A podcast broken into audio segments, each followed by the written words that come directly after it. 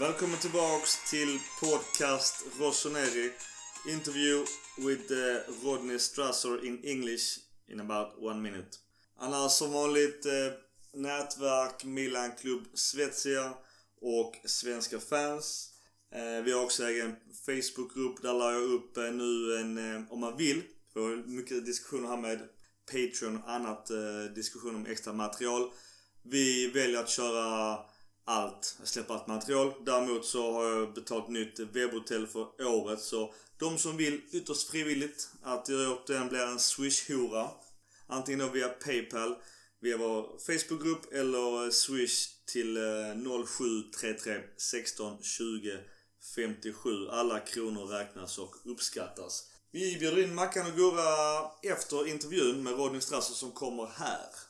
Okay, Rodney Strasser, welcome to Podcast Rossoneri.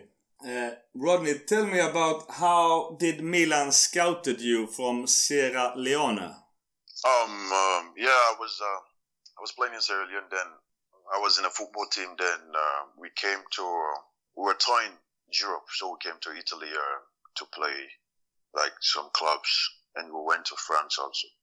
So that's how the we came to Italy and played the games. Then after playing two matches, uh, I was out. We were out um, for Milano. Then from the two matches, Milan decided for me to jet down to Milano to do. Um, I did uh, two days trial with the third. It was the third team, yes, at that time. So I did two days trial with the with the Milan team. Then I, I went back to meet my team and I continued the journey. So I was spot. Um, I was spotted when I when I went to Italy. Do you remember who the contact in Milan was at that time? It was passed through some agent and uh, Dol- Dolcino and some other people. I don't even remember because it was long, but but it was. We went to play at a Milan camp, all this kind of stuff. But uh, it's a long time. So, but I was spotted when I went to Italy with my team from Sierra Leone. Uh, when you were playing with AC Milan, it was a very strong squad. Do you remember who you were competing with, and how was the atmosphere in the Milan group at the time? Yeah, because uh, the time I was there, because uh, I was like one of the youngest, uh, like younger player. You know, that time, you know, it's hard for young players also to shoot on in the bigger clubs, and also the club like Milan because there were so many legends. You know, and I was competing with so many people that, you know, with the names of Ambo, Melpilo, Ambrosini, Gattuso, um, it's a lot, you know, there were legends, you know, for a young boy like me to shoot in between them. So, but it was a tough, it was a tough um, competition or whatsoever. But I learned a lot from them, and it was good, you know, playing around them. Were there any of the, those legends who were really friendly and really helped you out, or were they like bully or not friendly because it was so much competitive players? No, they were they were they never like bullied because uh, they were cool people and um, they always try to learn you, help you, whatever you need in and out of the field. And uh, you know, even me, I was not expecting that because a couple of years before, uh, I was watching TV, watching those guys. Then, in some year back, they became my teammates, and I was not thinking that they were like people that is nice and people that cool that need to talk to you like you young boy you just came back from africa and uh, they do things normal like we all like just the same you know nothing different You have an Italian Cup goal and uh, did a couple of games with AC Milan.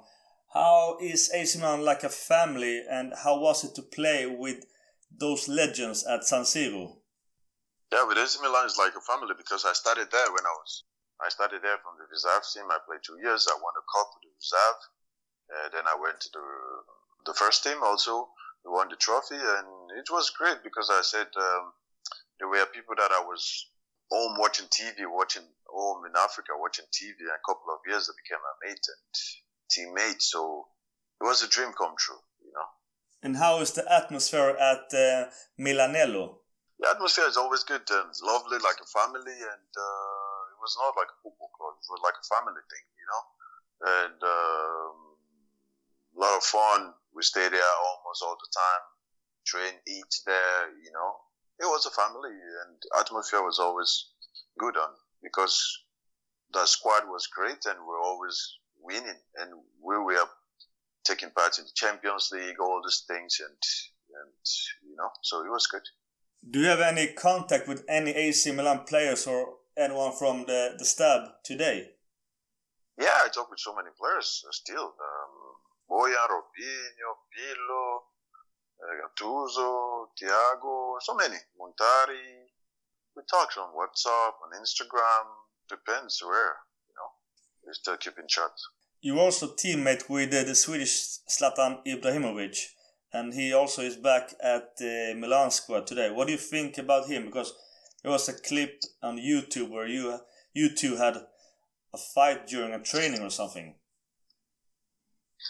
Yeah, Zlatan is like a like an elder brother. Um, he's a legend. He treated me right. Um, he's he's different, you know, from the way some people see it. Um, like TV, he's a very nice guy and uh, and polite, but he always want to win, you know. So that's the good thing about him, you know.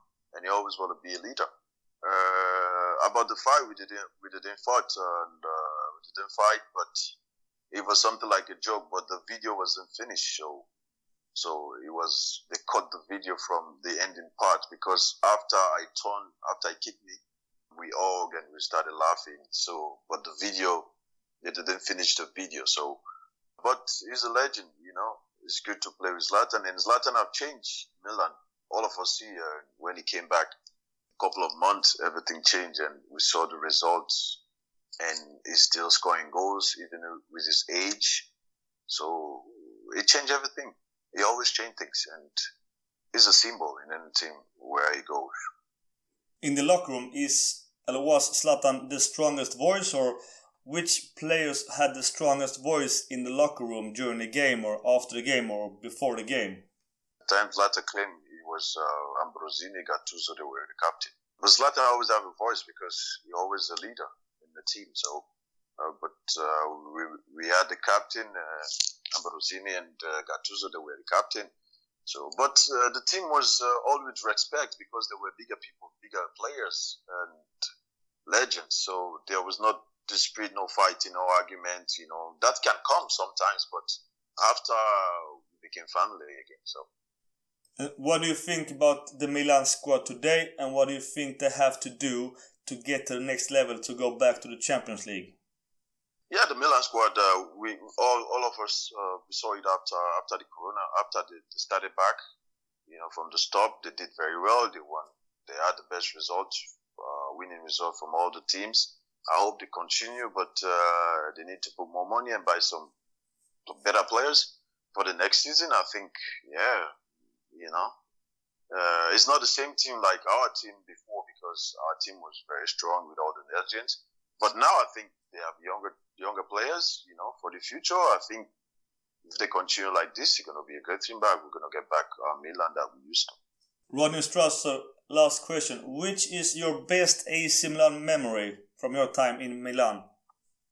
Uh, my best uh, AC Milan memory the time we won the league and the time I scored my goal. So that's my best time in there. Rodney Strasser, thank you very much for your time and best of luck in TPS. Thank you very much, you too. Bye bye. Bye bye. Take you. care. Bye bye, Rodney. Thank you very much. Yeah. Ciao. Yeah, thanks.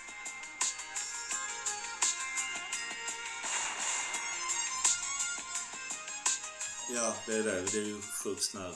Men... Tugga Nisses tuggummi. ja, typ så. Okej, Mackan, välkommen. Tack så mycket. Gurra, välkommen. Tackar. Körschema idag. Vi kör väl lite nya officiella in och ut. Återigen fortsätter på transfer för vårt fönster är faktiskt fortfarande öppet trots att det är 16 september. 5 oktober? Är det? Stänger va? Jag tror det. Ja, det är väl där någonstans.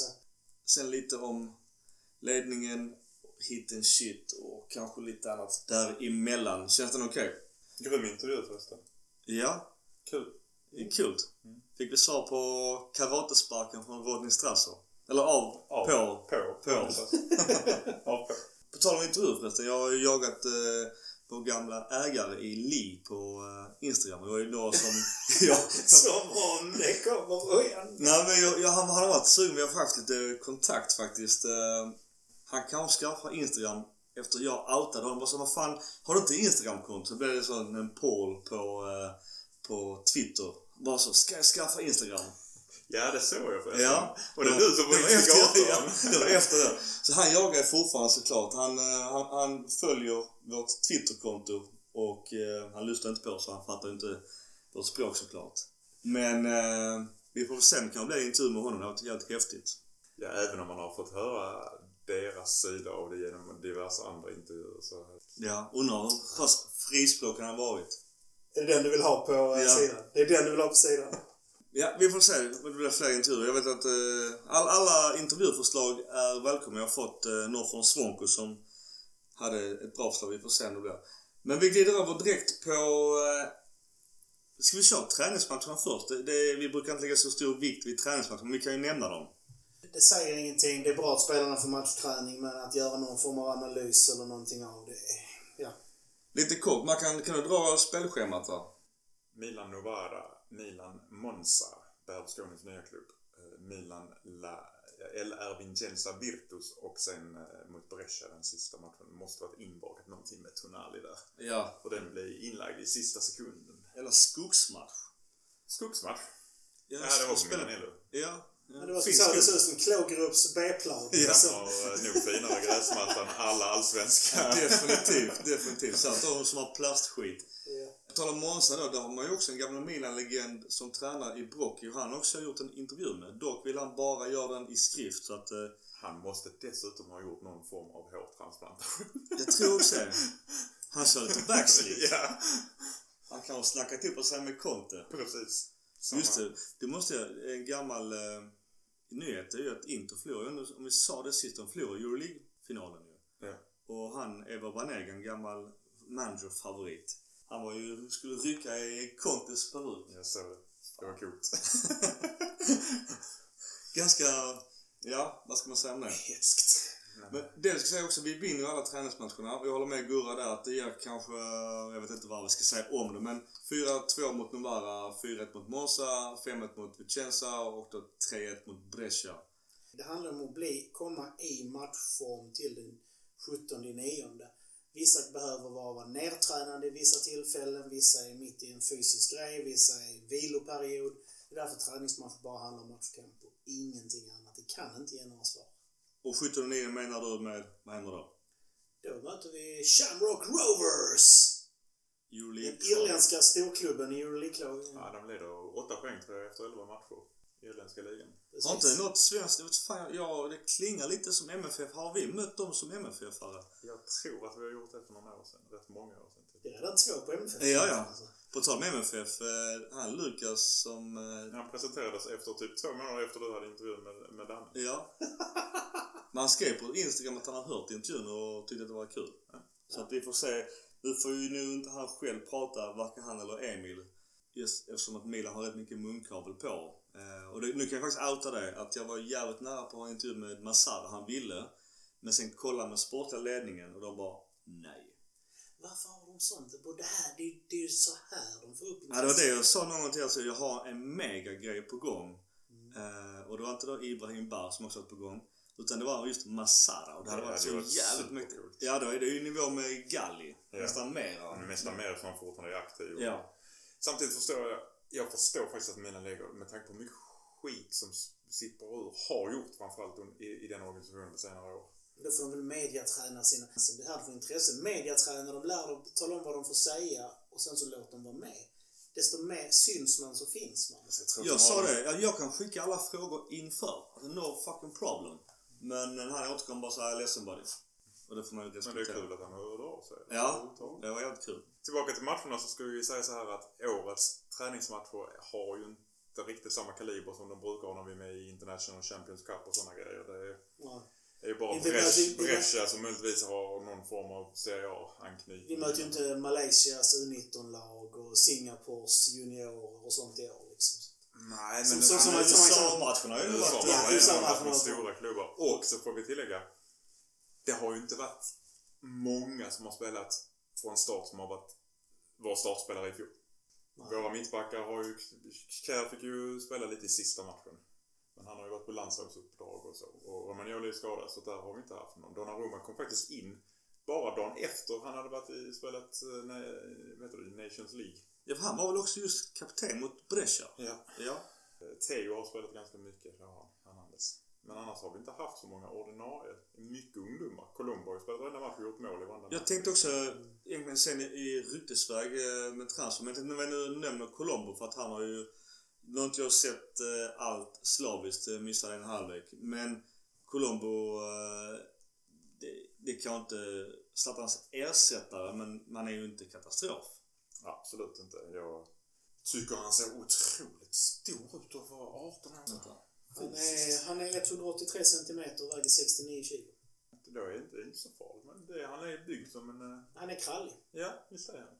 Du har ju helt rätt Gustav i att träningsmatch är träningsmatch. De säger inte ett skit egentligen. Det är som det målet han gjorde, det här långskottet. Jag menar, den tiden hade han ju aldrig fått i en tävlingsmatch. Men det är sjukt snyggt mål. Det är sjukt snyggt. Men i en, i en tävlingsmatch så hade han inte blivit plockad i läge 1 så hade han varit hårt utmanad i läge 2. Han hade aldrig fått iväg det skottet. Nu kan han stå och prickskjuta. Ja, men jag har bett Gurra göra läxan, så Gurra, då blir läxför på Colombo. Ja, det finns inte jättemycket men det är ju egen produkt. Lorenzo Colombo. Eh, han är född 8 mars 2002. 183 cm lång, 69 kilo. En striker, men som även kan spela som, som högerytter i ett anfall. Väldigt bestämd, kraftfull anfallare. Han är väldigt långsam att komma till avslut. Alltså han, eh, han har inte rutinen det märks. Han, behöver, han tar tid på sig. Och det är ju där många unga spelare innan de är vana vid tempo, har fått skolade tillräckligt. Det är därför de aldrig får iväg de här skotten. Eh, Och det är det som är hans stora svaghet helt enkelt. Men en perfekt, han borde spela varenda Primavera-match och finnas på bänken i A-laget. Så borde man matcha honom anser jag. För Maldini och Massara har ändå flyttat upp honom till A-lagstruppen. Jo, jo, men varför, om de, inte, om de nu inte spelar i A-truppen, de måste ju få matchtempo. Annars kan de aldrig utvecklas. Maldini kommer stå stilla om han inte får matchtempo. Det är ju det man ska ha primaveran till. På tal om Maldini, det, vi vi har ju tagit det tidigare och du sa kontrakten släpps i november va?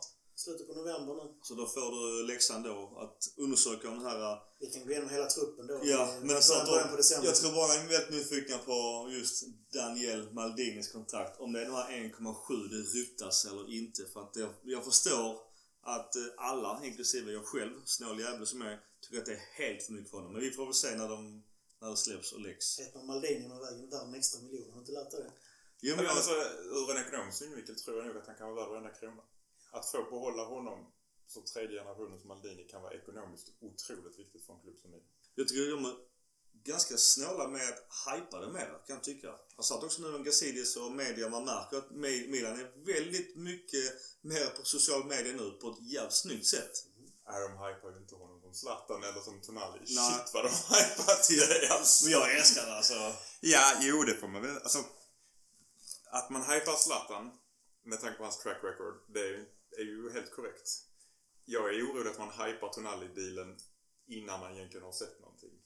Ja, det är stora ord om, om Tonali. Ja. Okej, nu det över. Vi glider du ska över. veta vad scoutrapporterna säger. Ja, men vad säger de då? Har du det nu också eller? Så vi- ska vi ta Tonali nu Kör också? Tonali scoutrapport. Ja, ett schysst övergång. Den har vi övat på. Ja, ett riktigt T- TV4-övergång. Snacka, snacka om att döda övergången och prata om övergången. Det klipper vi bort. Yes. yeah right. Ja. Du inser vem det är som redigerar. Tänk att köra ett avsnitt helt oredigerat, allt sånt här bullshit mellansnack vi har. Det hade nog blivit eh, lite kul ändå kanske. Ja, ja, jag tycker du ska köra. Ja, vi får väl se. Sandro Tonali, född eh, 8 maj år 2000. 182 cm lång, 79 kilo.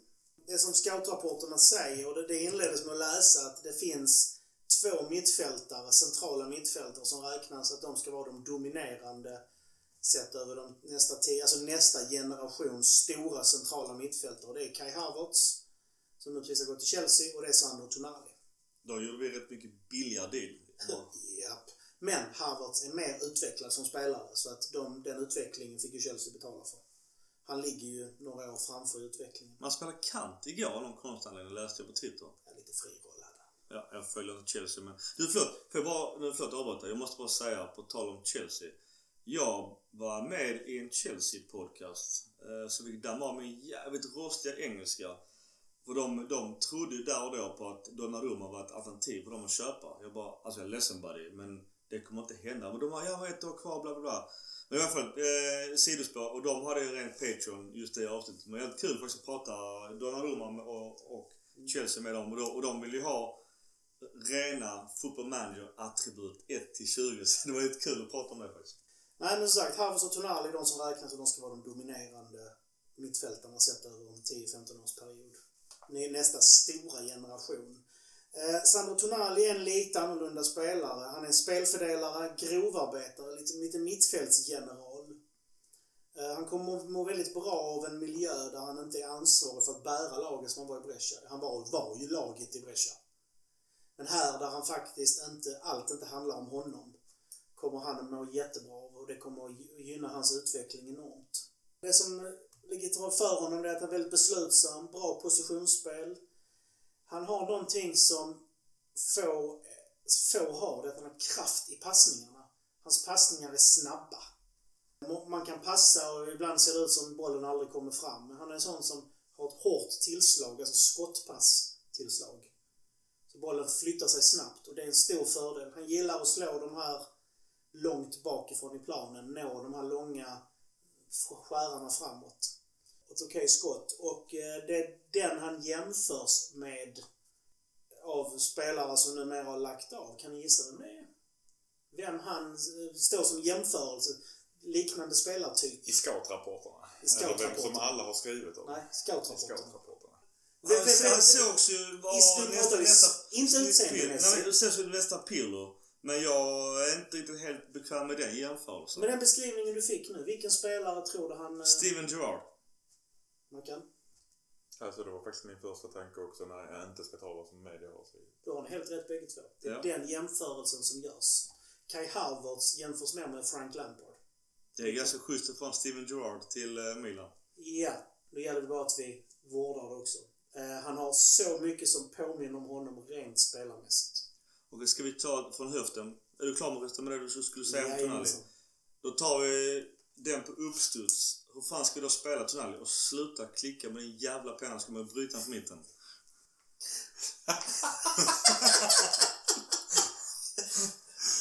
Ja, hur ska vi spela Tonali? Om vi, om vi säger vi behåller 4-2-3-1 som, som vi vill. Eller Han jag- körde registerrollen i Brescia. Ja. Kan man väl mer eller mindre säga. I landslaget har han fått spela högermittfältare.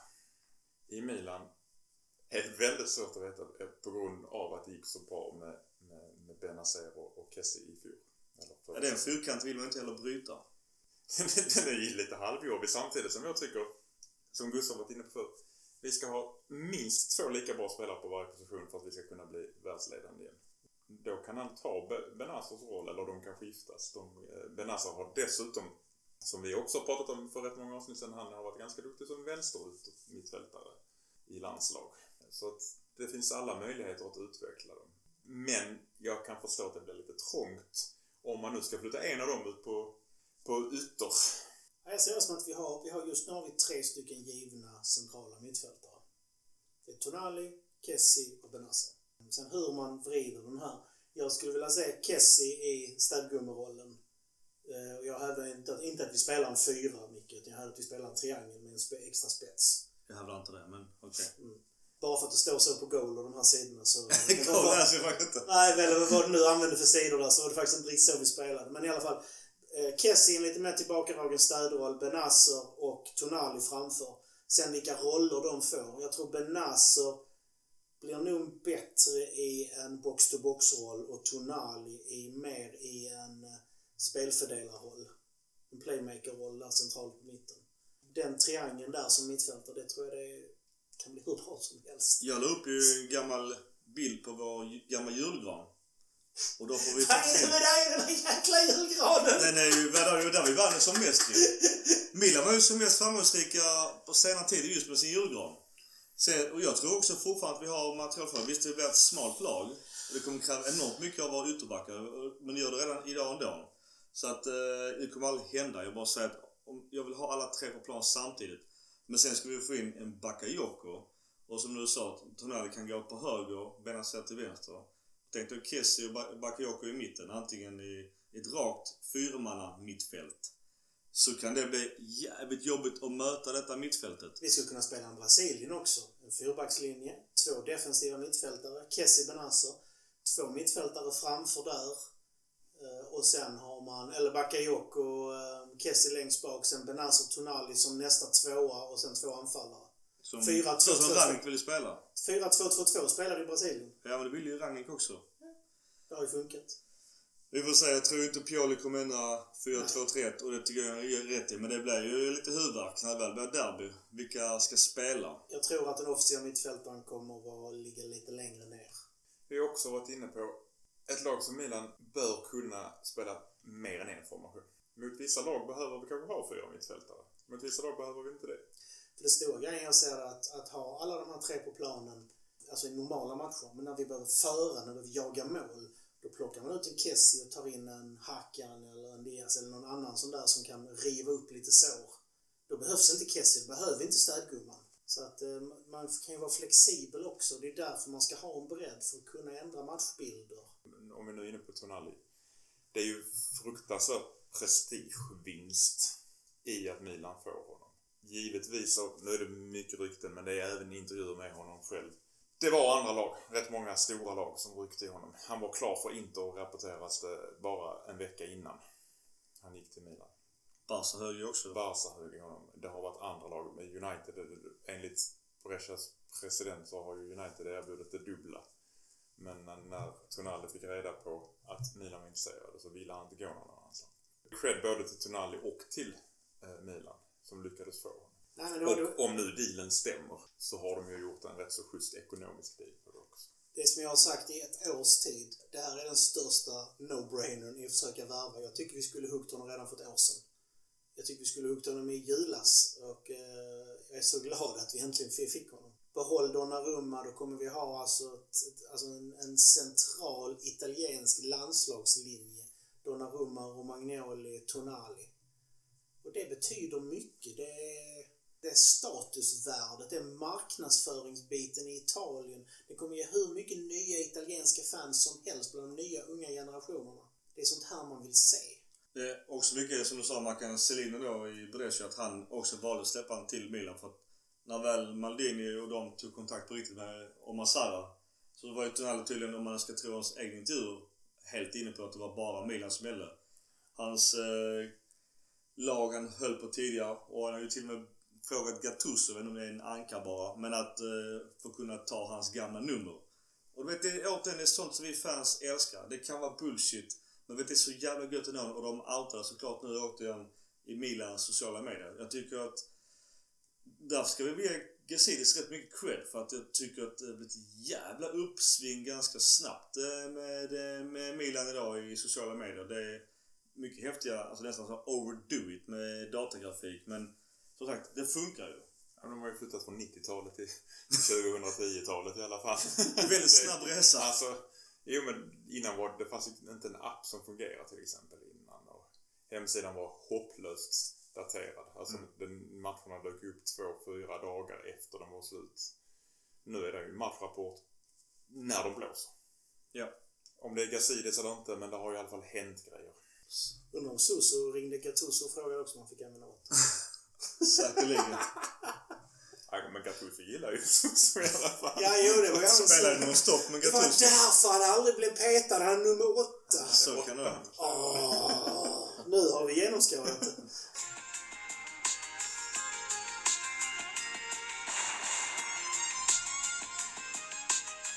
Okej, vi fortsätter med det officiella. Vi har signat en kroat från Bordeaux för 10 miljoner euro i Toma Basic. Läxa Gurra, har du kollat upp honom? En central mittfältare, flexibel. Så Säg en Kronic, en yngre Kro- Kronic med stor potential. 23 år gammal. Ja. Han kan utvecklas. Han kommer aldrig bli en ledande Serie A-mittfältare, men han kommer bli en habil spelare som aldrig gör en dålig match. En perfekt inhoppare, breddspelare, ersättare för döda matcher, ersättare om någon blir skadad. Alltså det... Alltså en Ambrosini liksom. Oj! Inte, inte kvalitetsmässigt men användarmässigt. När de spelade femman med Fett så var han given. Jo, jo, men när han gick, när han gick in på som breddspelare. Okej, varför byter vi ut en crunch mot en crunch då? Den yngre och den andra Kronic vill lämna. Men är det för att dribbla med Financial Fair Play? För vi kan få ungefär lika mycket som vi köpte crunch för. Ja, spekulation. Han, han kommer ju inte spela mycket från start. Minst eftersom det är ganska tajt på mittfältet. Det värvas ändå för att ha en yngre bredd med utvecklingspotential. Och det är ett sundhetstecken. Vi har gått ifrån att panikvärva för att klara små, alltså med korta, korta pilar hela tiden, till att faktiskt ha lite perspektiv på det. Har vi på gång ett lite sånt där Chelsea-tänk, att vi har många lovande så lånar vi ut dem, har de utlånade ett par år, håller de sen klass och går in i A-laget, ja då tar man in dem, annars så säljer man dem och gör en hygglig vinst. Var det Chelsea som hade 30 utlånade spelare, de har tjänat mångmiljardbelopp på det. Mm. Sjukt. Men har inte Uefa begränsat antal spelare nu? Jo, nu får, du bara, nu får du bara ha typ 20 utlånade eller något. Ja, ja, nej, men alltså Udinese hade ju en sån... Alltså de ägde ju Udinese, Watford och något spanskt lag, kommer inte ens ihåg vilket det var. Ja, mm. Eh, Och de lånade ju ut. Mm. Alltså, jag tror de hade, I de tre dagarna hade de 130 spelare utlånade eller vad det var. Alltså det var sån... Det fattar inte jag att inte Elliot, att inte de har fibblat mer mellan oss och Lill. Att, vet du så Lill rånade ju oss på en dyr Liao. Och nu är det flera spelare som ryktas mellan klubbarna. Men att jag fattar inte att inte Elliot där har dribblat mycket mer mellan Det kanske de spelarna. har gjort. De kanske, alltså anledningen till att Leo var dyr var kanske för att de dribblade pengarna till Lille. Ja. Men det, det ska inte De kanske behövdes där just då. Ja, förvisso. Men annars lite mera breaking. Det är ju vår gamla nummer 9 i André Silva som gjort det jävligt bra i Frankfurt. Det är mycket uppgifter. Jag vet inte vad, vad man ska tro på. Men men i alla fall det officiella är att Silva är klar för Frankfurt. Och officiellt är att Rebic har gått till Milan och har ett nytt nummer Milan. Vad kan du som blev ekonom, vad har du att säga om, om siffrorna? Och vad, vad tycker Fiorentina? Siffrorna som är, är, är hemliga. Ja, precis. Eh, Man kan väl börja med så här att låt oss säga att vi inte har betalat en krona för Rebic. Vilket eh, jag tror att de på något sätt har velat åstadkomma för att slippa betala pengar till Fiorentina. För de skulle ha 20% av en summa, rakt av summa. Ja.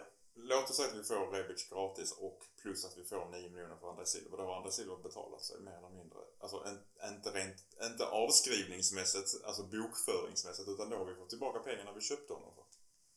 För Rebic Så vi går break-even på Silva efter dessa nio och vi får Rebic gratis. Är det Ja. det vi säger? Ja, för att Rebic, värdet på Rebic är ju lite halvsvårt och, eftersom siffrorna är, är hemliga. Men låt oss säga, eller i mitt tycke är han ju värd minst 25 miljoner euro. Absolut. Lägg på 9 miljoner där så är du uppe i 34 miljoner euro. Mm. Vad kostade André Silva? Mm. Ja, jag, tror, vad- jag tror han kostar under 40, 38 miljoner euro. Mm. Så I alla fall, det är för officiellt de två har bytt klubb. Så att... Eh, 34 tror jag var. det 34, men då är det exakt samma summa i så fall. Men Ja. sen så vi vet ju inte. Vi kommer kanske inte ens få reda på det. en annan officiell, dock ett lån, och det är Brahim Diaz. Vi nämnde han sist kort. Det är ju en... Är det ett rakt lån?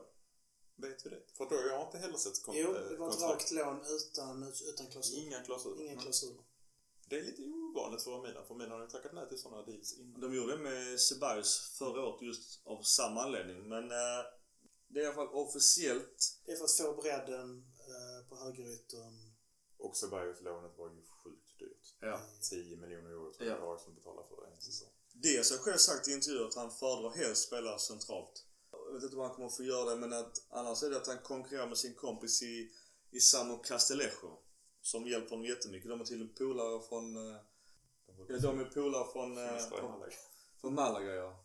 Annars har jag något att säga om Diaz. Kommer han vara... Han är väl ingen startman. Han var ju ingen... Han, han dribblade som fan i träningsmatcher men det, det hände inte så mycket med annat. Han gjorde ett mål också ibland matcherna men det säger ju ingenting.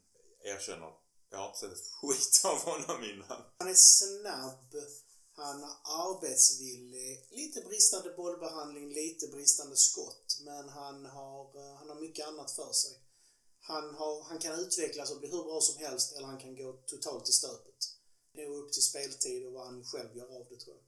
Där måste ju finnas någon talang om City först har haft honom och sen Real väljer att köpa honom City. Så någonting måste det Real köpte honom ganska, inte dyrt kanske, men 17 miljoner euro. Det är ju inget kaffepengar. Nej. Men i alla fall hans kontrakt går ut 25 så ska Milan köpa loss honom så blir det nog dyrt beroende på hur han kommer gå såklart i Milan. En annan, kör vi rasande tempo, en annan officiell det är ju en rumän. Vi kan väl uttala hans efternamn? Ja, Tete Rushan. tiramisu tänkte jag nästan säga. Det är väl vår första rumän sen eh, gamla Cosmin Contra. Minns du honom? Han som vi köpte från Alaves. Just det. Det var en av mina favoriter. Jag trodde han skulle bli skitbra. Det blev han inte. Nej. Men i alla fall, vi köper, eller vi köper, vi, Understatement of the year. vi tar honom från eh, Lyon. Bättre, billigare och mer tacksam backup än Begovic. Så kan vi väl sammanfatta det så. Vi kan ju säga också, på tal om Lyon, att eh, Paketa verkar vara på väg till Lyon. Det förvånar mig knappeligen att vi måste göra av med lite eh, spelare. Med Han är inte med i Shamrock-truppen som åkte idag med flyget till Irland. När man såg fina bilder på, på spelarna. Jag hoppas ju egentligen att det finns någon form av deal med Fiorentina för några andra spelare. i- Ja. Men eh, Vi kan ta ryktena sen, men annars så officiellt det är vår gamla kompis i Bonaventura. Han är också officiellt ut till just eh, Fiorentina. Jag vet inte om Milan kunde styra honom dit i ren goodwill med Fiorentina för att vi blåste dem på lite Rebic-pengar. Jag vet inte, det är ju rena spekulationerna men vad ska vi säga? Jag önskar honom lycka till men eh, jag tror att... i Eh, alla matcher, förutom de mot Milan. exakt. Men det är rätt så trångt på Fiorentinas mittfält. Det känns som de behöver sälja en högerytter och en mittback. Ja. Annars, vi har en officiell ut till. Och Gu- Gurra Mackan. Stående ovationer. Vad har vad har vi för nyheter? Två år för sent. Ja. Lukas Biglia har lämnat Milan. För turkiska ligan. Fanns det inget roligare lag att gå till än ett lag i Nej, turkiska för, för ligan? de andra, för, för, det är därför jag aldrig lyckats få sålt dem. Andra klubbar har fattat hur dålig han är. Men varför går inte han hem till Argentina och är kung där i två år? Där För är, de har också fattat hur dålig han är. ja, och lönerna i Turkiet är höga. Även sinnessjuka. Men de har ju ett bisarr skattesats på... 13 procent Ja. inkomstskatt. Eh, Medan man i Italien ligger... Nu har de ju ändrat det något, men förr låg det ju på f- nästan 50. Ja. När du tjänar så mycket pengar. Så det är inte konstigt att de har råd att betala höga löner. Nej. Men jävlar vilka lårmuskler. Ja. Han är ju vältränad. Ja, Det är photoshopat. ja okej. Sånt filter. Sån här muscle filter. När vi ändå är inne på löner. Ska vi hitta en bild Gurra? Ska du re- redovisa lite vad vi ser framför Du oss? får gärna säga du till mig. det är lugnt. Ni, ska nia dig? Men eh, de har gjort en uträkning vad, eh, vilka TV-pengar de olika ligorna får in och för, som får de för- fördela ut på klubbarna. Och vi kan ju börja i den, lig, den, den ligan där de får in femte mest. Det är ju Ligue, Ligue 1. Den franska. Och där, där betalas totalt ut 1,233 miljarder euro. Betalas ut till klubbarna. Sen har vi eh, Serie A näst lägst av de här fem och därför betalas 1,344 eh, eh, miljarder. Sen kommer Bundesliga på 1,4. Sen har vi Spanien. Och Spanien är lite intressant för där är det två, eller strax över 2 miljarder euro. Varav de tre klubbar som har mest TV-tid får dela på, vad är det, 60% eller något sånt. Jag trodde Real och Barca tog hälften rakt av men så Ja, kanske men inte längre. eh, Atletico har slagit sig in där också. De har Ja. också mycket TV-tid.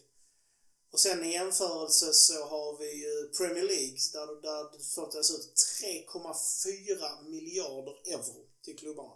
Det vill säga över 2 miljarder mer än i Serie A. Så det är inte så konstigt att Premier League kan betala ut de löner de gör. Det är konstigt att inte fler lag håller högre kvalitet då i Premier League tycker jag. Alltså- Eftersom jag vet att pengarna fördelas betydligt jämnare än i Spanien. Det är rakt alltså det är helt jämna. Eh, Sådär. De håller, men problemet är att, att alltså, du kan ju inte... Du, du har ju aldrig en auto-win i Premier League så som du kan ha i vissa av de andra ligorna. Stor skillnad är också här, om man tittar på ligorna, om man då ser Domestic och kontra International pengar in. Då har ju Serie A då, som vi följer i alla fall här, har då 371 av dessa miljonerna från International. Det vill säga ungefär 25% om man ser på grafen. Om man ser på Premier League så har de ju nästan 50-50 vad de kan få in utifrån. Och det är väl också det som är stora skillnaden. Om man, om man då ser på, på La Liga så är det här jävla El Clasico av förklarliga skäl drar de ju enormt mycket tittare och pengar. Och vi, det finns ju inget sånt. Alltså Milan Inter, absolut. Men det drar nog inte lika, det drar inte lika mycket som Barcelona Real Madrid. Det är också där av TV-pengarna. Den, den biten kommer förmodligen gå upp om både Inter och Milan är konstant i Champions League. Ja. Så att det beror delvis på att stora lag som Milan har underpresterat i ett, ett decennium. Mm. Du har Atalanta som spelar Champions League istället för Milan. Inget fel på Atalanta. Men de har ju inte den fan och supporterskaran i världen. Nej. Eh, nej. Är vi inne på Atalanta så har deras arena blivit godkänd för Europaspel. Så de ska inte spela på San Siro. Skönt. Vi glider in bara kort på, på rykten. Och eh, en vi har nämnt lite titt som tätt är ju Diego Godin som inte har gått alls bra i Inter eller inte fått spela så mycket. Han verkar vara på väg till Cagliari och då tänker jag varför vill inte Milan alls ha med honom att göra? Är han för gammal? Är han för dyr? Jag hade inte tackat nej. Men jag tror att Gazidis tänker att för, för, gam, för gamla mittbackar har vi redan Kjär. Ja. Jag tror Kjär tar upp den där kvoten. Även om det hade varit en superförstärkning. Mackan, ja när på den från höften. Ja. En annan höftspelare som jag faktiskt halvt med att varna er för. Free transfer. Higuain, Janne, Gurra, Till rätt pengar, absolut. Mackan. Jag har ju redan svarat på det här i vår interna och jag säger jag förutsatt att han vill. Det var ganska tydligt att han inte ville till Milan förra rundan och därmed gick det inte så bra. Vi hade dessutom inte rätt understöd. Nej. Tänk att ha honom med kanske en Zlatan bredvid sig och ett lag som faktiskt passar honom bakom sig. Tänk dig passningar då från Tonali, Benazer som, som skär igenom till honom. Zlatan ger ytor, alltså han kommer göra hur mycket mål som helst. Det finns ju redan tröjor i Miami på Higuain, deras fotbollslag. Det är ganska sjukt egentligen. Det finns det i Columbus också. Vadå? Columbus har också Higuain-tröjor. Jaså? Hans bror spelar idag. oh, där fick du! Ja, det var lam. Okej, vi kör fler från höften. Eh, Jag såg också ett Twitter-rykte. Vår gamla Primavera, Paloski. Mackan, ja när på den? Nej. Gurra, Paloski? Nej. Nej. Jag kommer kanske en tuffare en, en, en från höften. Alexander de Pato. Nej. Nej, nej, nej. Nej, är det blankt nej på den? Ja, Jag tror det skulle bli diskussion på Pato i alla fall. Den Nej, lilla ankan. nej, man kan inte vara sentimental. Vill, vill man vinna saker, då måste man släppa känslorna. Jag undrar egentligen hur bra han är idag. Och såklart, vad vill han ha i lön? Det, nu är det inte nu jätteaktuellt i och för sig. Alltså rent krasst, det finns billigare, bättre anfallare att få tag på. Om man, Pat- tvunget, om man tvunget skulle ha det så skulle han ha ett spelbaserat lön. Mm. Och han måste på något sätt bli kompis med Zlatan. För de tyckte inte om varandra. Om det berodde på att han satte på Berlusconis dotter eller inte, det vet jag inte. Men de tyckte inte om varandra förra rundan. Varför skulle Zlatan ha problem med det? Borde inte Berlusconi som hade problem med det? Jag menar att Zlatan kanske hade problem med att han låg med chefens dotter för att det blev eh, lite komplicerad situation i laget. Jag tror också att Pato är rätt mycket yngre då. Jag tror han är svårt också för, för Zlatans del. Alla säger att Zlatan är ju en supervinnare. Alla berömmer Zlatan. Allt från Shevchenko till alla i laget att om du inte sköter dig, och skärper dig. Ja, då får du höra det från Zlatan. Jag kan tänka mig att en ung Pato som var mega hypad och gick jävligt bra och hade Kaká Ronaldinho bakom sig innan då. Och sen så kommer Zlatan och bara så du, du tror inte att du är någonting. Jag tror att han, ja, lite hybris. Det hade varit ett kultvärde att få in Pato, jag köper det. Men jag ser inte vem han ska, alltså vilken roll han ska ta. Vi har Leao, vi har Colombo. De, alltså nej, nej. Ja, det är mycket för att det ryktas ut att man vill ha in en anfallare och vill inte lägga massa pengar utan en vice Zlatan. Jag kan också tycka någonstans att vi har Colombo och jag säger inte att han är vice Zlatan. Men vi har ju Rebic kanske spelar anfallare. Vi har Leao som kan spela anfallare som verkar vara bortglömd trots att han har haft, ja, Corona och varit ganska megatyst för att han inte har varit i Milan på Milanello. Tack och lov eftersom han har haft Corona. Men han är ju en, en fullgod ersättare kan jag tycka. Så jag förstår inte varför man jagar så hårt en vice Zlatan eller en anfallare. Alltså, Gör vi det eller är det media som gör Ja, det är, ja, vi alltså man vet inte vad de säger. Maldini, ja, vi vill ha högerback, högerytter och en anfallare. Sen så visst, återigen, silly man kan säga vad fan som helst. Vi har ju ryktas, Bakayoko ryktas ju konstant. Han vill vi alla se. Eh, han vill verka själv, om man ska tro media, också gå till eh, Milan. Men en annan spelare som också ryktades till oss tidigare, det var ju just Torreira. Jag, jag kollade med, med en Arsenal-konto som har varit med också och pratat om just Gazidis i vår eh, podcast. Eh, Och Torreira har 75 000 pund i veckan och Bakayoko har 104 000 pund i veckan enligt dem. Och eh, Torino verkar sugna på Torreira för en ganska billig peng. Under, alltså mellan 15-20 miljoner pund. Och Vem är tränare i Turin? Exakt. Han vill även ha Krunic. Så att han vill ju ha sina gamla favoritspelare. Men jag är ju någonstans, okej om, vi, om vi möter mot varandra kan vara en ful fråga. Mackan vill du hellre se Bakayoko eller Torera? Jag säger Bakayoko för att uppenbarligen vill han till Milan. Han anstränger sig ganska hårt för att komma tillbaka till Milan. Och jag ser hellre en motiverad Bakayoko än en spelare som vi inte riktigt vet. Cynisk. Jag, jag säger också Bakayoko, men av anledningen att det är den rollen vi behöver fylla. Torreira är mer åt Benazer-hållet. Visst, han kan gå ner och spela också på Kestis, men Bakayoko är en spelare, alltså han är mer en Kestis-spelartyp. Och det är det vi behöver. För nu har vi bara Kestis och Eftersom Kestis. Torreira skulle kon- konkurrera mot Tonali och Benazer. Köper vi Torreira så blir det stor risk att vi säljer någon av... Och vi säljer ju inte Tonali. Nej. Ska sälja Benazer för 50 och köpa Torreira för, för 20. Eller så behåller vi Benazer i två, två säsonger och säljer honom för 100. Ja, det är nog det jag kan tänka mig att det blir. Lönen är ju betydligt lägre för också. Ja. Mycket, där, där måste jag säga, jag, jag såg också ett Twitterkonto där man gjorde jämförelse på Teo och då Inters eh, Hakim. Dels i transferkostnad och även då lön. Och därför måste man säga att Ma- Massara och Malin har gjort jävligt bra med deras lönestruktur. Även nu Tonali som hade sagt tjänat dubbelt så mycket i både Inter, Barcelona och United och, alla klubbar som nämndes. Så att eh, där finns ju definitivt en, en sund och god tanke bakom eh, det vår sportchef gör rent ekonomiskt.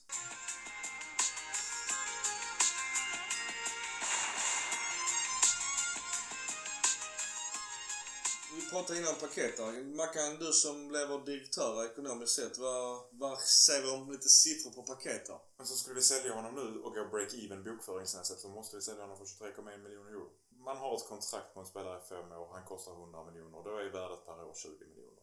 Det är vanlig bokföringsekonomi, det är inte så svårt. Där man kan, det som ska då läggas till är att vi sparar in lönepengarna. För det räknas inte med i värdet här. Jag står fast vid mitt ord från några avsnitt sen. Får vi rätt pengar så säljer honom.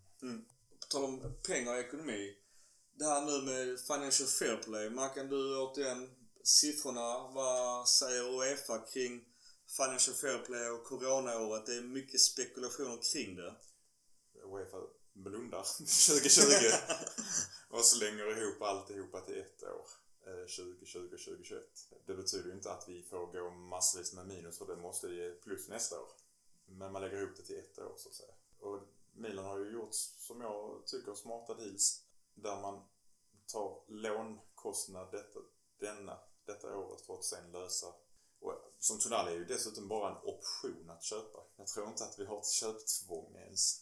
Även om vi indirekt har ett köptvång tror jag. Ja, det ska ju mycket till att inte köpa loss. Så att eh, där är...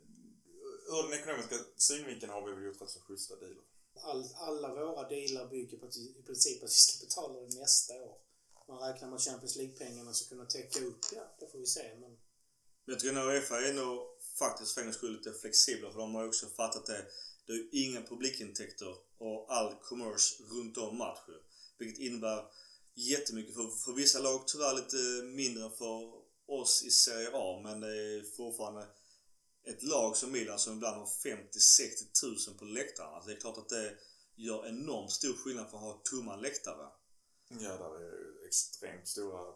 Alltså, publikintäkterna från Milan Juventus och Milan Inter är ju väldigt höga på grund av att vi får in så mycket folk.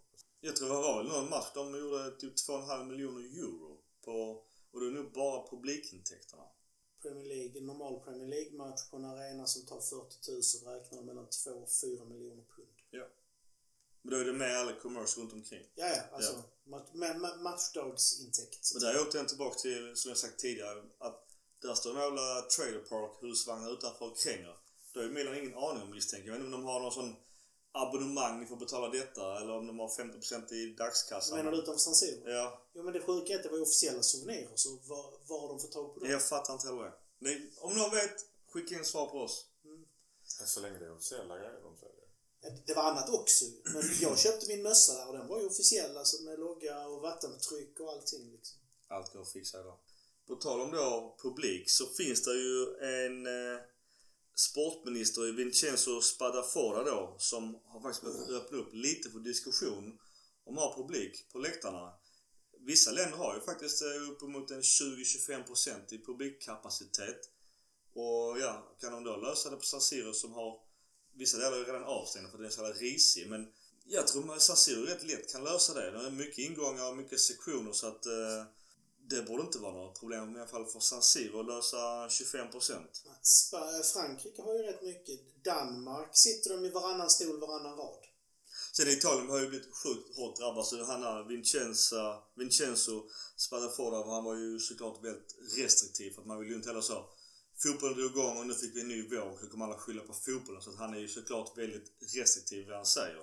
Men lite så, alla andra, eller alla inte, men, men vissa ligor kan ju lösa det så att man hoppas ju på det. Sen så blir det väl tufft och vilka som ska få de här biljetterna såklart. Okej, ny fråga också från höften. Eh, Vi har ju kommit ut med eh, vår andra tröja. Mackan, hit or shit på andra tröjan. Ja, det måste bli shit på den. På grund av Att den är skitful. Gurra hit and shit på andra tröjan, den vita. Den är för plottrig. Jag gillar ju det clean. Alltså det här när det är liksom... Baksidan var fin. Ja, helvit. Micke, Micke la ju upp för jämförelse vilken han tyckte var snyggast. Och jag måste ju säga att den tröjan som vi använde där i perioden eh, 04-05, den andra tröjan, den här helvi, helvita med vissa streck och element i.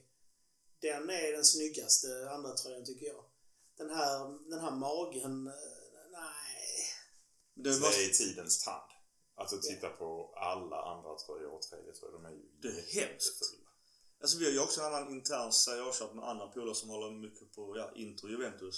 Men överlag, alla årets 3D-tröjor stort sett är är det en sån hemlig tävling som gör fula grejer. En sån, en sån kulturhype för att titta på en massa dumt. Alltså vår Arsenal-tröja är snygg om vi jämför med andras. Ja, ja. Ja, absolut. Jag, Men jag har visat både Juventus... Du menar vår 3D-tröja? Jag Som är, ja. Både Juventus, Ti- Tiger och eh, Uniteds fängelseuniform. Jag menar...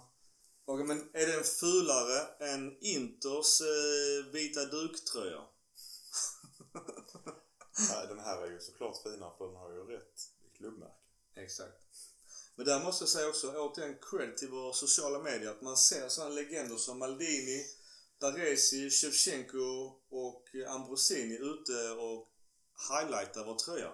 Jag tycker det är perfekt marknadsföring. En har, alltså nuvarande spelare tycker jag är ganska dumt att ha för att alla vet redan vem de är. Men ha sådana gamla legender. Jag tycker det är genialiskt av Milan att Det- använda dessa. Det är vårda sitt arv.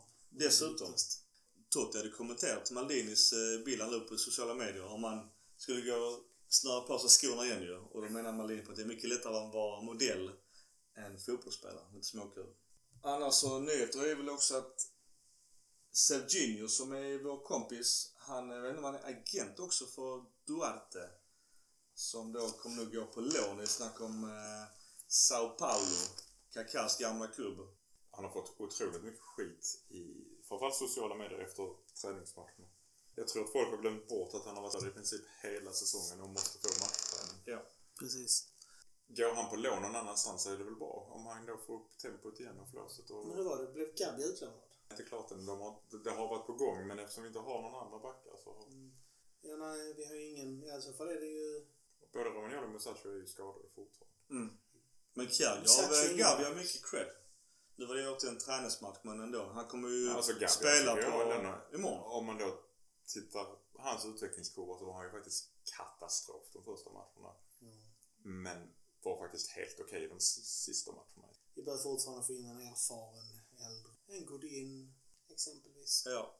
Thiago Silva är officiellt klar för Chelsea. Det var ju mycket rykte sist men eh, nu är det officiellt. Det som vi pratade om förra gången. Han är klockren för Chelsea för de, de har råd att ha honom skadad 4-5 matcher i stöten. För han är ju där som en bredd, erfarenhet. Okej, Gurra du hade stampat upp en, en fråga. Nej, inte än. Vi har haft in eh, totalt eh, ja, några stycken här så jag, jag, nu tar jag över och ställer lite frågor här. Ja, spännande. Varför blev inte Pioli, från Peter Danielsson, varför blev inte Pioli vald till årets sexigaste tränare i Serie A? Pirlo vann, Di Francesco tvåa och Pioli först på åttonde plats. Vad tror du Micke? Och vem hade du här som vinnare? Jag, jag förstår att inte han vann för att han är inte sexig för fem öre. Det är möjligtvis att han har jävligt snygga skjortor. Däremot så jag tror att han vinner lite på eh, att han inte kan fixa någon snygg sån läcker frissa. Vem hade, vem hade du haft som etta? Pirlo eller hade du haft någon annan? Uff. Eh, alltså, jag vet inte fan, jag har inte koll på hur alla tränare ser ut ens. Men... Eh, Får dra till med den. nej men alltså okej. Lätt är ju enkelt, enkelt det är ju nästa. Den är ju överlägsen. Nästa, säger jag. Okej. Mackan, varför blev inte Pioli vald? För att de sätter skillnad på honom och hans assisterande. För de är exakt likadana. Så de visste inte vem de skulle välja. Vem är din favorit då? Jävla dryg fråga att. Men eh, Pirlo är ju snygg.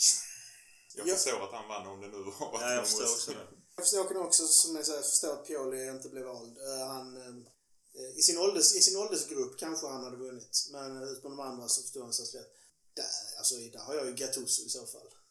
Fråga två där. Hur mycket pengar har vi kvar att bruka i årets Mercato, tror ni? Det beror ju på om vi säljer paket är- Och Krunic. Jag tror inte det finns ett enkelt svar på den. Nej, det är ingen som vet det. Jag tror att det finns pengar om rätt, om rätt möjlighet upp, infinner sig så finns det nog mer pengar än om den inte infinner sig. Exakt. Det är fortfarande snack om en Mr X. Och då är frågan, vem fan är det? Jag hade hoppats på James Rodriguez. Eh, Nu blev det inte så. Det blev inte heller Rakitic. Jag tror inte Modric kommer vara det, så att då är frågan vem fan kan vara Mr X? Men du, det här har nästan tränat. För det blir en bra övergång till nästa fråga. Oj då. Hur bra är egentligen Chiesa? Ja, jag har skrivit det på Svenska I, fans Daniel, Daniel Johansson ställde frågan. Enligt hans mening är Chiesa en okej Serie A-winger. Ja, Daniel Johansson är väldigt klok eh, milanista. Så hans ord ska man lyssna på. Jag har Var det skrivit han som också ställde frågan om sex efter träning? Nej, det var Peter Danielsson. Bra. Men, men eh, jag har faktiskt ställt frågan också i eh, Svenska fans forum. Och där finns också vissa användare som är helt kloka, vissa är mindre kloka där. Men frågan är fortfarande så, är han 500 kronor bättre, 500, 500 miljoner kronor bättre än Samu Castillejo idag? Det tycker inte jag. Och han har stor potential, ja. Men eh, ja, det beror helt på vad, vad det kommer att kosta. Och blir det någon, någon sån gruppdeal som också ryktas tidigare med Fiorentina. Och vad innebär då den? Jag... Eh, sen tycker jag att han är en jävla filmare. Nu kommer jag inte knappt ihåg frågan ens, men jag, jag vill någonstans... Det är helt beroende på vad det kommer att kosta Milan. Man kan, hur bra är egentligen Chiesa? Sa den tystnaden. Nej, eh, hur bra är han? Jag tycker det är svårt att uttala mig om det också för att han har inte spelat i ett lag som har möjligheterna att leverera på honom. Eh, så att det är jättesvårt. Där är potential såklart. Talangen finns där. Han har rätt efternamn. Men jag håller med Micke där. Det beror hur mycket pengar det är av det. Jag vill också bara inflika, jag gillar ju ändå alla ryktena och att vi kanske får tillbaks Berlusconis dröm om ett ganska mycket italienskt Milan. Med kanske som att toppa med gamla tre holländare till exempel. Det tycker jag är nostalgiskt jävligt häftigt. Sen så smart eller inte, det, det är ju en annan femma. Men jag, jag tycker att Milan ska ändå sopa upp de här spelarna som Tonali, Chiesa, ja. Alltså det är enormt mycket marknadsvärde och kan man då, och då vara Milans, eller Milan och Italiens ryggrad, Som man då gärna petar in en back också där. Ryggraden i Italiens landslag är Milan. Det hade varit eh, mäktigt. Eh, jag kollade faktiskt upp Kesa lite grann. Han, han, precis som Tonali, kommer att må väldigt bra om han kommer till Milan. Att inte vara den som måste göra allt. Att få ha ett lag med sig. Och det är ju ändå en spelare, han vinner mycket ytor, han har ett väldigt bra skott, han är snabb och kan ha bra inlägg. Eh, han är ett multihot på kanten. Jag skulle säga att det är en klar uppgradering mot Castillejo. En enorm utvecklingspotential. Italienare och det ska inte underskattas. Och som är inne på, att desto fler italienska landslagsspelare, desto mer marknadsföring, desto mer fanbase, desto större rykte, allting. Och det tycker faktiskt han är värd de pengar det pratas om. 40-50 miljoner. Ja. Man, också, man kan inte räkna det över ett år. Sen om man får, sen om vi inte har pengarna nu, men på något sätt, man får räkna det. En sån här spelare i den, det stadiet av hans karriär, precis som Tonali, man får se över tio år. Och där kommer han att vara en ledande Serie A-winger över en tioårsperiod. Har dessutom bevisat i, i u landslaget att han kan spela faktiskt på vänsterkanten och göra det nästan lika bra. de här unga enorma talangerna som kommer från lite mindre lag, eh, all respekt till Fiorentina och Brescia. Men gå till en större klubb där du inte kanske har taktpinnen hela tiden eller allting går runt dig. Det finns också en psykologisk faktor att det kanske blir också jobbigt att fan innan gick ju allt runt mig, alla passade mig. Helt plötsligt står det en Zlatan där som kräver boll hela tiden. Man har kanske en eh, Benazer som dribblar, Tonali som dribblar. Att det kan bli också bli psykologiskt jobbigt att fan nu får inte jag äga lika mycket boll som tidigare. Vissa spelare vill ha det så och vissa utvecklas av det. Men om du ser på en spelare, vad har kritiken? Det har varit samma kritik med både Chiesa och Tonali på säsongen som har varit. Det är att folk tycker att de har stannat upp. Och varför har de stannat upp? Jo, för de har inte stödet. De har ingen som kan hjälpa dem till utvecklingen. De har ingen som... Det, det blir för mycket för dem i det, i det läget av sin karriär. För både Chiesa och Tonali Tonali har ju tagit steget. Chiesa skulle må så otroligt bra att komma till ett lag där han får spela regelbundet och ha ett lag bakom sig. Sen tror jag att pressen hade varit tyngre, starkare på Chiesa än på Tonali. För att vi har ett fungerande mittfält idag. Medan vår högerytter är, har ju varit en akilleshäl i rätt många år. Köper du en spelare för 50 miljoner euro så är ju nog trycket på honom utifrån. Inte inifrån laget möjligtvis, alltså så, men alltså utifrån. Du ska leverera. Ja. Medan Tonali, ung, eh, du har redan en fungerande uppställning. Just det här med eh, yttra. I dagens fotboll, som jag pratade lite om tidigare, att de är så pass multikompetenta att du kan spela både höger och vänster som jag är inne på med Kesa. Jag räknar med att Castillejo, som jag tycker har gjort jävligt mycket bra jobb över hela plan. Inte bara Suso i sin offensiva lilla triangel här uppe. Det är synd att han spelar var helt bänkad igen. Och det är samma Salamakers. Jag tror att han har hyfsad potential, men att det är också de båda kan spela på vänster. Och även då de som på vänsterkanten, som Rebic, kanske då Leo, att de kan spela höger också. Så att jag, jag tror att eh, Ja. det går att peta in all, alla dem. Men så att ing- ingen kommer bli som så tokpetad. Bara för, bara för att jag har en fin cykel. Får jag en, eh, en, en bil istället så kommer jag köra bilen. Jo men det är ju inte hur pass mycket dyrare är bilen än en cykel? Alltså det... Om, om det tar mig till titlar så är det värd Jo men nu varenda pratar. Chiesa och, och Castillejo. Jag ser inte Chiesa idag som en Lexus och, och Castillejo cyklar runt på en Ja. ja. Biltema-cykel. Jo, men att få in en italiensk landslagsspelare och så får man dra det på en tioårsperiod. Var, var, hur mycket bättre kommer inte Chiesa vara för oss under den här perioden än Castillejo? Alltså jag ser inte emot det. Jag var med på att Mm. för 500 miljoner kronor kan vi ta för en toppspelare som går, är färdig nu. Detta året, också med Financial Fair Play, för nu verkar vi spänna bågen. Vi måste nå topp 4. Om vi sen gör det med Chiesa, Castillejo eller Mr X. Just nu, jag bryr mig inte. Bara, bara vi når topp 4. Jag säger så här, Chiesa kanske inte är 500 miljoner bättre än Castillejo. Men att ha, redan ha honom knuten till klubben. Det är ju ett, en, en markering, ett steg. Det, pass, det stämmer överens. att- Och då helt plötsligt kommer vi inte bara sitta på målvakten, mittbacken, speluppläggaren. Vi kommer även ha högeryttern i italienska landslaget. Alltså på något sätt, vi bygger ju en, ett enormt marknadsföringspotential. Och det ger enorma pengar i läge två och tre. Jag fyra, menar fem. på, i det läget som också är en landslagsman, det är då Bernardi. Han kostar ju hälften full av Chiesa. Sen är det frågan så återigen om man kan baka in då en deal med Fiorentinas mittback också. Det är lite där, det är väl lite det som Malini försöker fixa nu. Det är väl också det som är svåra. Men jag tycker det är fortfarande, jag är jävligt snål som sportchef så att jag kan tycka här och nu tycker jag Bernardi är minst lika bra som Chiesa. Om inte bättre just nu. Sen visst potentialen har ju Chiesa. Det är ingen snack om saken. Alltså problemet är att någon annan kommer att ta Chiesa. Ja. Då sitter Juve med honom igen. Då kan vi ta någon av Juve-spelarna. Men jag, jag fattar vad du menar. Jag bara menar på att jag vill ha spelare som går rätt in och funkar. Ska, ska jag lägga 500 miljoner kronor på en spelare detta året, där vi ska nå topp 4. Då vill jag att personen, om han kan vara den spelaren som går rätt in nu och levererar så vi når topp 4. Då är allting förlåtet. Då är han värd varenda krona. Men är han inte det, då är det problem. Jag är rätt övertygad att han är det, för det är ingen försämring mot nuvarande och det är en, en, en långtida investering. Mackan, har du sagt om Kesa? Eller? Ja, jag har sagt mitt. Ja. Gott, då går vi vidare. Då har vi nästa fråga och det gäller vilken som är vår bästa startelva. Så jag tänkte, målvakt behöver vi inte tjafsa om. Antonio Donnarumma. Det är vi rörande överens om. Vem är vår bästa högerback? Kan vi, ja, det är ju det som är storfrågan. Jag I säger... dagsläget är det Calabria för Ja. Conte är skadad. Ja men alltså, stru- strunt i skador. Vem är vår bästa högerback? Ja, jag, jag säger också Calabria för att eh, han är sämre på inlägg med att vara. Men han är bättre på att skjuta. Jag, jag tycker att de är defensivt ganska svaga båda två. De är defensiva stolpskott bägge två. Men eh, Conti, som vi spelar så är Conti bäst eftersom vi, vi behöver den offensiva inläggen även på högkanten. Sen han har nya mittbacken Kalulu, eller högerback Kalulu, han har ju varit okej i träningsmatcher. Jag tror han kommer få kanske göra inhopp. Djävulsk fart på honom. Ja. Det lilla han har.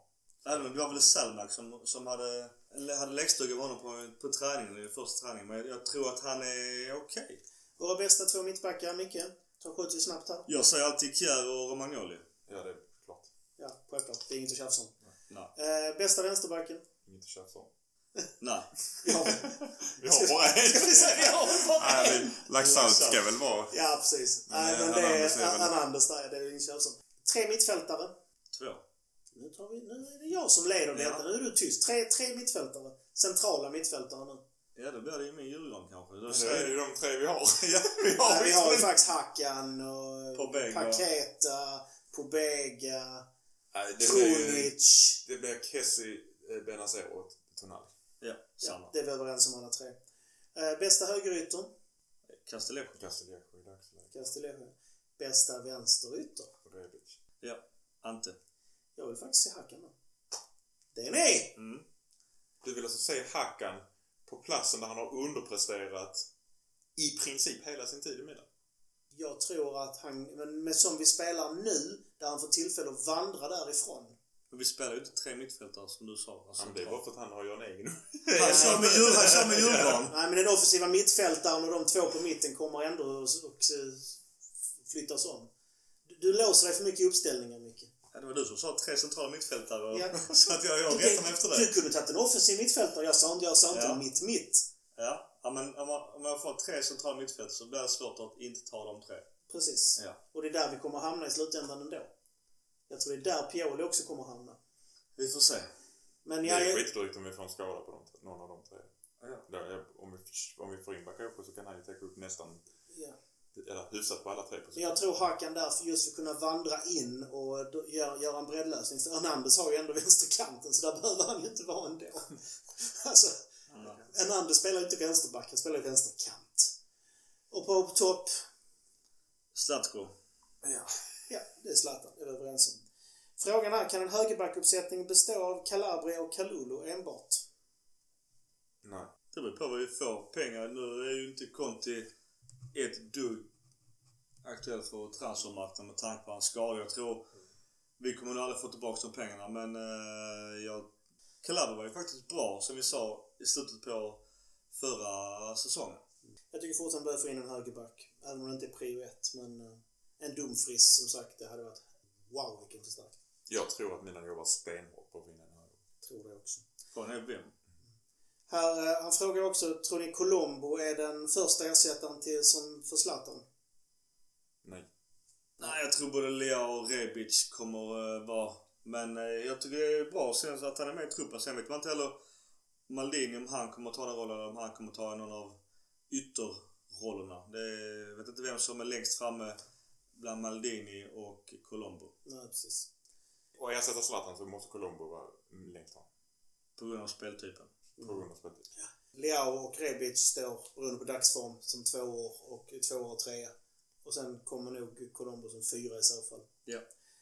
Eh, sen har Tobbe Roseneri Södergren ställt en fråga också om formationer och så vidare och sådär, men den har vi redan besvarat. Så det var denna, eh, denna veckas läsarfrågor. Ja. En annan fråga som jag har fått till mig det är att eh, Milan Club Svezia de eh, kommer att köra en fantasy Serie A-liga. Vi drog också igång en Serie A-liga i fjol. Jag kunde tyvärr inte se vad fan den slutade. Eh, men eh, någon är intresserad av fantasy, den, eh, den typen av upplägg, det är inte lika exklusivt och snyggt som eh, Premier Leagues fantasy. Men det är vara en rolig grej. Vi, om ni, jag har gjort ett lag, vill ni göra ett lag så, så kan vi ta våra lag i nästa avsnitt. Alltså jag har försökt göra det varje år och jag har aldrig lyckats. Jag har aldrig lyckats logga in på det. Nej, det är inte bra. Jag känner bara att jag inte har tid. Jag kan göra ett lag, men jag kommer inte tid under. Jag har fullt upp med Premier League manager liksom. Jag byter aldrig, jag pallar inte byta heller. Jag har också ett i Allsvenskan. Det går inte så bra för det om man säger så. jag gör inga byten.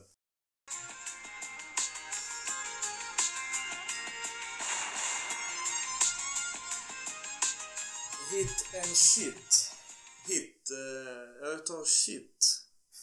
Uff. Ja, det var inte så lätt. han klippa. Här kommer han klippa. Lätt! Jag, var, jag hade faktiskt inget förberett på hit and shit. Jag tänkte dra från, eh, Höften. från höften, ja. Eh, Avsnittets ord är höften, bara så du vet det. Ja. Jag räknar det hur många Det- det jag redigerar. Det har du slagit MFF alltså. ja, det har du nog.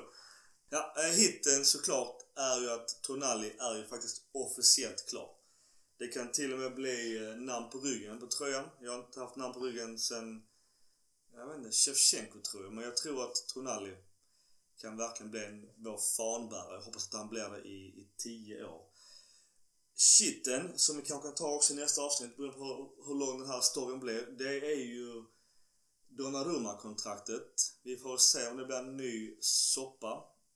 Eller inte. Eller bara en tidningsanka. Men det är, det är min shit att det, det, jag vet inte om det börjar puttra i grytan där. Nu, Gurra du, för ska inte vara sist den gången. Okej, jag ska Du är alltid se. sist annars. Ja, precis. Det är jättepraktiskt. Mm. Hitten är att det faktiskt händer någonting. Att eh, det är kul att följa Milan här transferfönstret för det händer saker. Det kommer in spelare. Eh, sitter inte stilla i båten. Det jobbas. Sen en hit eh, var ju faktiskt det som eh, de gick ut med häromdagen. Eh, på tal om Mickes, eh, det här är min bonushit.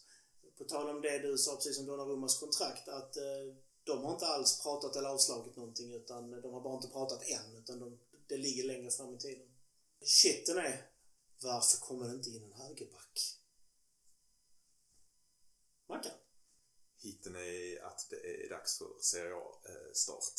Äntligen lite matcher igen. Det var ju det var flera, Sommar, sommaruppehållet har ju varit så långt i år. det var ju flera veckor sedan sist. Nej, jag måste säga att det, jag ser verkligen fram emot det. Sen kan jag tycka att det är en liten shit att eh, Aftonbladet har köpt upp eh, Europa League eh, Ja. Den, de? den finns på Aftonbladet plus bara. 109 kronor för att kunna se en match. Fan, jag gillar inte Aftonbladet på något sätt. Lite jobbigt, jag håller med. Sen... eh, Nu skulle vi ju aldrig använda oss av det men jag kan slå vad om att det finns tusen det, det finns kanske jag vet inte. Skål!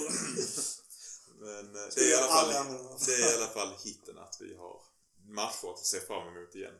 Och diskutera i våra eminenta avsnitt av podcaståsen. Och Aftonbladet är så shitten. Nej, ja, nej eh, shitten. Men det är bara kvalet va? Det är inte själva turneringen? Nej, turneringen är inte... Det, nej, det är kvalet nu. Shit! Var inte det, det var inte det precis? Ja, men det var, här, det var en bonus i shit. Ja, ja, du kör- ja. Oh, bonus shit. Eh, Jag kör bara bonushit. Då får man extra mycket dasspapper. Kan jag halka in på din, din shit på Självklart. Donnarumma? Det är ju inte så konstigt att Milan fokuserar på att skaffa nya spelare. För Donnarumma vill vi inte bli av med. Så det är klart att vi under transferfönstret, vi kan förlänga kontraktet med Donnarumma kan man faktiskt göra sen. Mm. Det är faktiskt väldigt vettigt av, av vår sportliga ledning att inte fokusera på det just nu. Shitten, det är väl att vi inte har sålt så många spelare som vi borde göra. Vi måste bli av med spelare. Lite dead weight som vi borde bli av Men vi med. har inte så mycket dödkött ändå. Inte dödkött, men jag kan tänka mig att det är väldigt svårt att köpa en, en vice vänsterback om vi inte får sålt Laxat. Det är sant. Ska vi köpa en högerback till? Nu har vi tre redan, som är i A-truppen. Där är Det är egentligen fyra. min shit blir transfer, eh, icke sålda transfer eh, i transfer. Den blir väldigt bred. Men Ja. jag Mycket, tycker... mycket dasspapper. Ja. Och så tycker jag en bonus shit är att vi inte har skaffat en ny mittback. Om du var inne på högerbacken så har vi, vi behöver en, en riktigt bra mittback. Ja, behöver det också. För går, går någon av våra ordinarie sönder så står vi där. Då står vi med Gabia just nu. Eller, Jag vet- eller ännu värre, om någon månad, Musacho. Ja. Eller Eduard har ju, om han nu blir utlånad så... Vi kan ju inte låna ut Duarte. Nej, jag vet inte. Den här killen som var, jag kan inte komma ihåg vad han hette, någonting på Emba. Han som spelar i, i vänskapsmatcherna. Han är ju en ungdomsspelare. Mm. Den kan vi inte lita på när vi Nej. ska gå ut och vinna, gå, gå mot Champions. Nej. Inter, Inter borta, Juve borta. Nej, verkligen inte. Det var lite därför jag lyfte Godin som är ju extremt etablerad, kunnig och duktig på alla sätt och vis. Att han vill gå till en bottenklubb i Serie A. Sen förstår jag att, Inter alla hade lobbat in Milan för honom. Kan man lägga en extra hit? Absolut. En hit per shit. Att Inter verkar gå eh, krassligt ekonomiskt. oh ja, kineserna har ju Ja, ja, inte ja. mycket pengar nu ju. Var det inte jag som skickade? Nej, det var inte det. De Nej. eh, har ju ungefär samma problem som vår kines hade. Ja. Jag jag, jag. Staten stänger ner för utlands... Kinesiska staten stänger ner för utlandsinvesteringar och framförallt i fotbollslag. Så Inters ägare, det är de som äger TV-rätterna i Kina för Premier League. De har inte betalat för rättigheterna på ett par år nu, så Premier League har dragit in deras sändningsrättigheter. Eftersom de numera, numera saknar de tydligen pengar. Och enligt rykten kan de behöva sälja för att få in kapital i företaget och inte ryktas ligga risigt till då. I alla fall så lär det inte investeras några pengar i Inter på ett tag. Det var därför som Inter inte köpte Tonali. Men hur fan kan Premier League gå med på att inte folk betalar pengar? Alltså det är en grej med Bein Sport som bara skiter i dem och streamar det. Men jag menar, ja. ja det är lite märkligt. Så att eh, Inters ägare verkar vara barskrapade. Skönt. De kan köpa Krunic. Ja, men jag, tror det är mycket det som Tonali-dealen för, för deras skull. För de sa ju att vi måste sälja för att ha råd att köpa honom. Och så köper de Kolarov. Ingen dyr affär i, i övergångssumma direkt. Men Men det är också kanske steget till var är Inter idag? där Milan var först. Nej. Är vi nöjda? Ja. Forza Milan! Oj! Forza Milan. Hej!